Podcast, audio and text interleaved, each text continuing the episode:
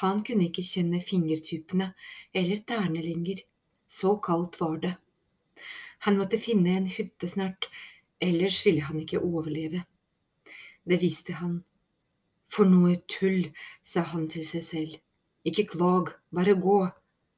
Han hadde forsøkt å sove noen timer under en fjellknaus i natt. Men det hadde ikke gått. Han var for sulten og for våt. Han måtte videre. Han likte ikke dagen. Andre på hans alder var redde for mørket. Ha, pyser. Det var dagslyset som var farlig for ham. Da kunne han lett oppdages. Han holdt seg lavt i terrenget.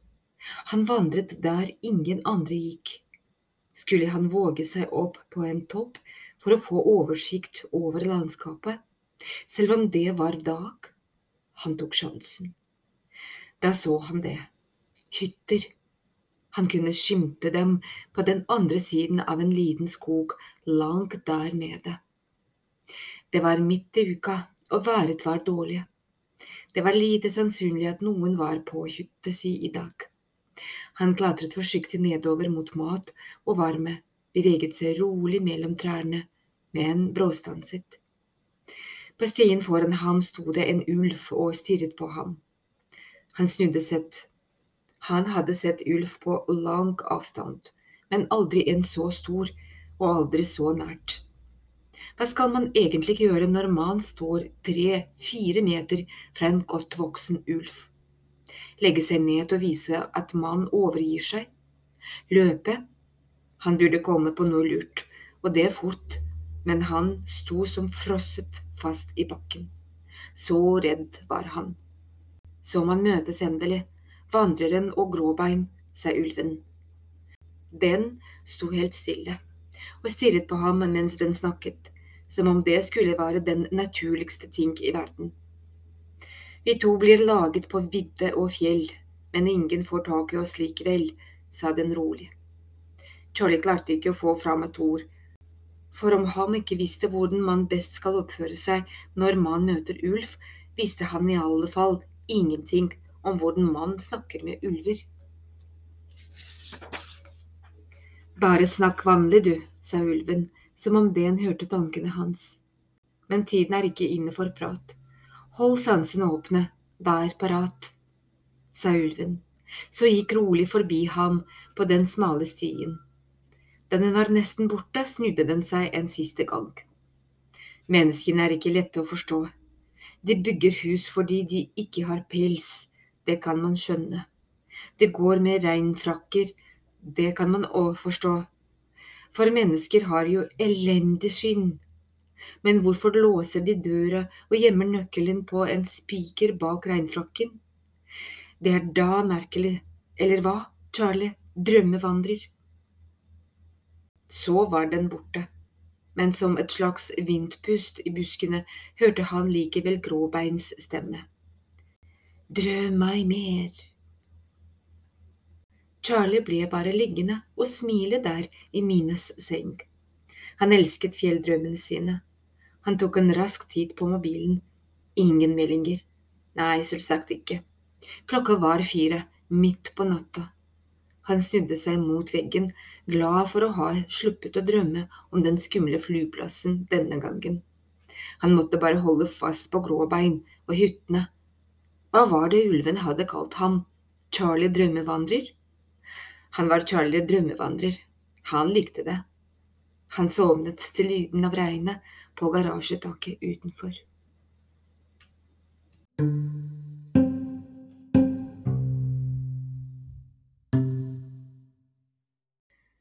Det regnet kraftig igjen nå. Han hadde mest lyst til å storme fram mot nærmeste hytte, knuse en rute og komme seg inn, men Gråbein hadde advart ham. Han stirret nøye og lenge på hver eneste hytte fra der han lå skjult bak en busk. Han studerte alt for å se etter tegn for at det kunne være noen der. Han lyttet intenst etter lyder eller stemmer, og han snuste mot vinden for å kjenne om han kunne merke røyk fra en ovn eller en peis. Nei, ingenting. Han snek seg forsiktig mot den nærmeste hytta. Han klemte seg inn til veggen og tittet inn gjennom vinduet. Nei, her hadde det tydeligvis ikke vært folk på lenge. Det hang tørre klær på en knagg utenfor døra. Klærne var nok til en voksen mann. Han ville komme til å drukne i dem, men heller drukne i varme klær enn å fryse i hjel i våte som passet. Det sto en sofa langs den ene veggen. Det lå et saueskinn i den, og over fotenden hang et tykt ullpledd.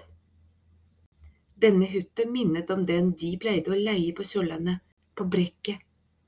Charlie kunne på en måte se for seg mamma, pappa og seg selv sitte der inne og spille kort. Han fikk klump i halsen. Dette var tydeligvis den eldste hytta her, de andre fem så nybygde ut, de var alle brune med røde karmer. Dyre luksushytter var det. Alle hadde anneks med ekstra gjesterom, og alle hadde boblebad på store plattinger ved siden av inngangen. Han var ikke i tvil om hvilken hytte han ville flytte inn i. Hodet hans kom borti en gammel reinfrak som hang på en spiker ved døra. Han husket hva Gråbein hadde sagt. Hvorfor låser menneskene dørene og gjemmer nøkkelen på en spiker bak regnfrakken? Var det mulig? Han kjente oppover veggen, han måtte smile, for på spiken hang nøkkelen. Det var bare å ta den og låse opp. Han trengte ikke å være så forsiktig nå, han var sikker på at det ikke var noen der. Han vrengte av seg det våte tøyet og trakk på seg klærne som hang på knaggen, innenfor døra. Han visste at han snart kom til å bli varm. Buksa var så lang at buksebena lå langt utover gulvet, og ermene på genseren nådde ned til knærne. Skulle han ta sjansen på å tenne peisen? Det lå tørr, fin ved i en kasse, og det var til og med gjort klar klubber inni peisen. Fyrstikker, hvor var nå det? Han kunne ikke se noen verken på peishullet eller noe annet sted i rommet. Han gikk inn på det vesle kjøkkenet. Der var det en lem i gulvet. Under var det garantert et kjellerrom med mat, som han gledet seg. Men først peisen. Han løftet hodet for å se etter fyrstikker på hullet over vinduet. Han stivnet til. Fra vinduet kunne han se rett bort til nærmeste hytte. Det sto en bil der. En politibil. Han kastet seg ned på gulvet. Han kunne høre at to personer var på vei mot hytta der han befant seg. Kunne de ha sett ham? Det var mørkt på kjøkkenet der han var. Han klemte seg inntil veggen innunder kjøkkenbenken. Hjertet hamret så høyt at han var redd de skulle høre ham der ute. Stemmene var helt nær nå. De sto rett utenfor kjøkkenvinduet. Han kunne tydelig høre hva de sa. Nei, la oss komme oss ned til bygda igjen. Du ser jo at det ikke er noen her. Det var en mann som snakket. Stemmen var rett over hodet til Charlie. Han sto altså og tittet inn gjennom kjøkkenvinduet der Charlie satt på gulvet. Han våget ikke engang å puste. Vi sjekker denne siste hytta, og vi fikk ordre om å kikke. Der sjekker vi. Det var en dame som snakket nå. Han hørte skrittene langs veggen på vei mot døra. Charlie var nær ved å besvimme. Så redd var han. Hadde han låst? Sto nøkkelen ennå i? Da var han i så fall fortapt. Hva skulle han gjøre? Det var bare sekunder til han ville bli avslørt. Charlie krøp lynraskt langs gulvet. Nøkkelen lå på stuebordet. Han grep den i farta og var på vei ut på kjøkkenet igjen da han fikk se haugen av klær på gulvet. Hans egne våte klær lå ennå under knaggen ved døra. Han ålte seg fram og dro med seg alt ut på kjøkkenet. Nå hørte han dem tydeligere der ute. Jøss, døra er åpen, jo. Igjen var det mannen som snakket. Charlie famlet langs gulvet for å få opp kjellerlemmen. Der var den, den lille ringen som ble brukt som håndtak. Han grep tak i den for å få den opp. Det var stupmørkt der nede. Hallo? hørte han fra gangen. Er det noen her? Han lot seg skli ned i mørket og lykket kjellerlemmen forsiktig over seg. Han hørte skrittene deres på stuegulvet og deretter på kjøkkenet. De sto oppå lemmen nå. Det var som om de sto på hodet hans. Her har det ikke vært folk på en stund. Kom, vi går, sa mannen. Ikke så kjapt nå, svarte kvinnen. Det var tydelig at det var hun som bestemte. Her er det noe som ikke stemmer. Se, det er jo vått helt fra døra og til midt på kjøkkengulvet. Nei, klærne. Han hadde jo dratt tøyet over gulvet, selvfølgelig var det vått der. Nå var han ferdig. Tåke er sikkert lekk et eller annet sted. Det bøtter jo ned der ute. Og så har gulvet skjevt, så det har rent mot kjelleren. Jeg kan sjekke om det har gjort skade der nede. Kjølerommet var ikke større enn litt stort kjøleskap. Han ville aldri få plass her nede om han ikke hadde vært så liten. Det var med andre ord ingen steder å gjemme seg. Nei, blås i det, vi er ikke vaktmestere for rike hurtigfolk, vi tar kontakt med eieren, og så får de ordne opp selv. De gikk. Han hørte at de lukket døra. Han hørte skrittene utenfor, og så hørte han bilen starte. Charlie turte ennå ikke puste. Det vil si, han fikk ikke puste. Det var så mørkt her nede, og så klamt og tett. Charlie hadde dyne over hodet. Det var vanskelig å puste, hjertet hamret i brystet. Han rev av seg dyna og ble liggende og gispe etter luft. Han var reddet. Det var som om han hørte Gråbeins hviskende stemme der han lå. Vi to blir jaget på vidde og fjell, men ingen får tak i oss likevel. Han var helt våken nå, og det var visst greit, for det var lyst ute. Han kunne høre at Ranhild og Odd hadde stått opp.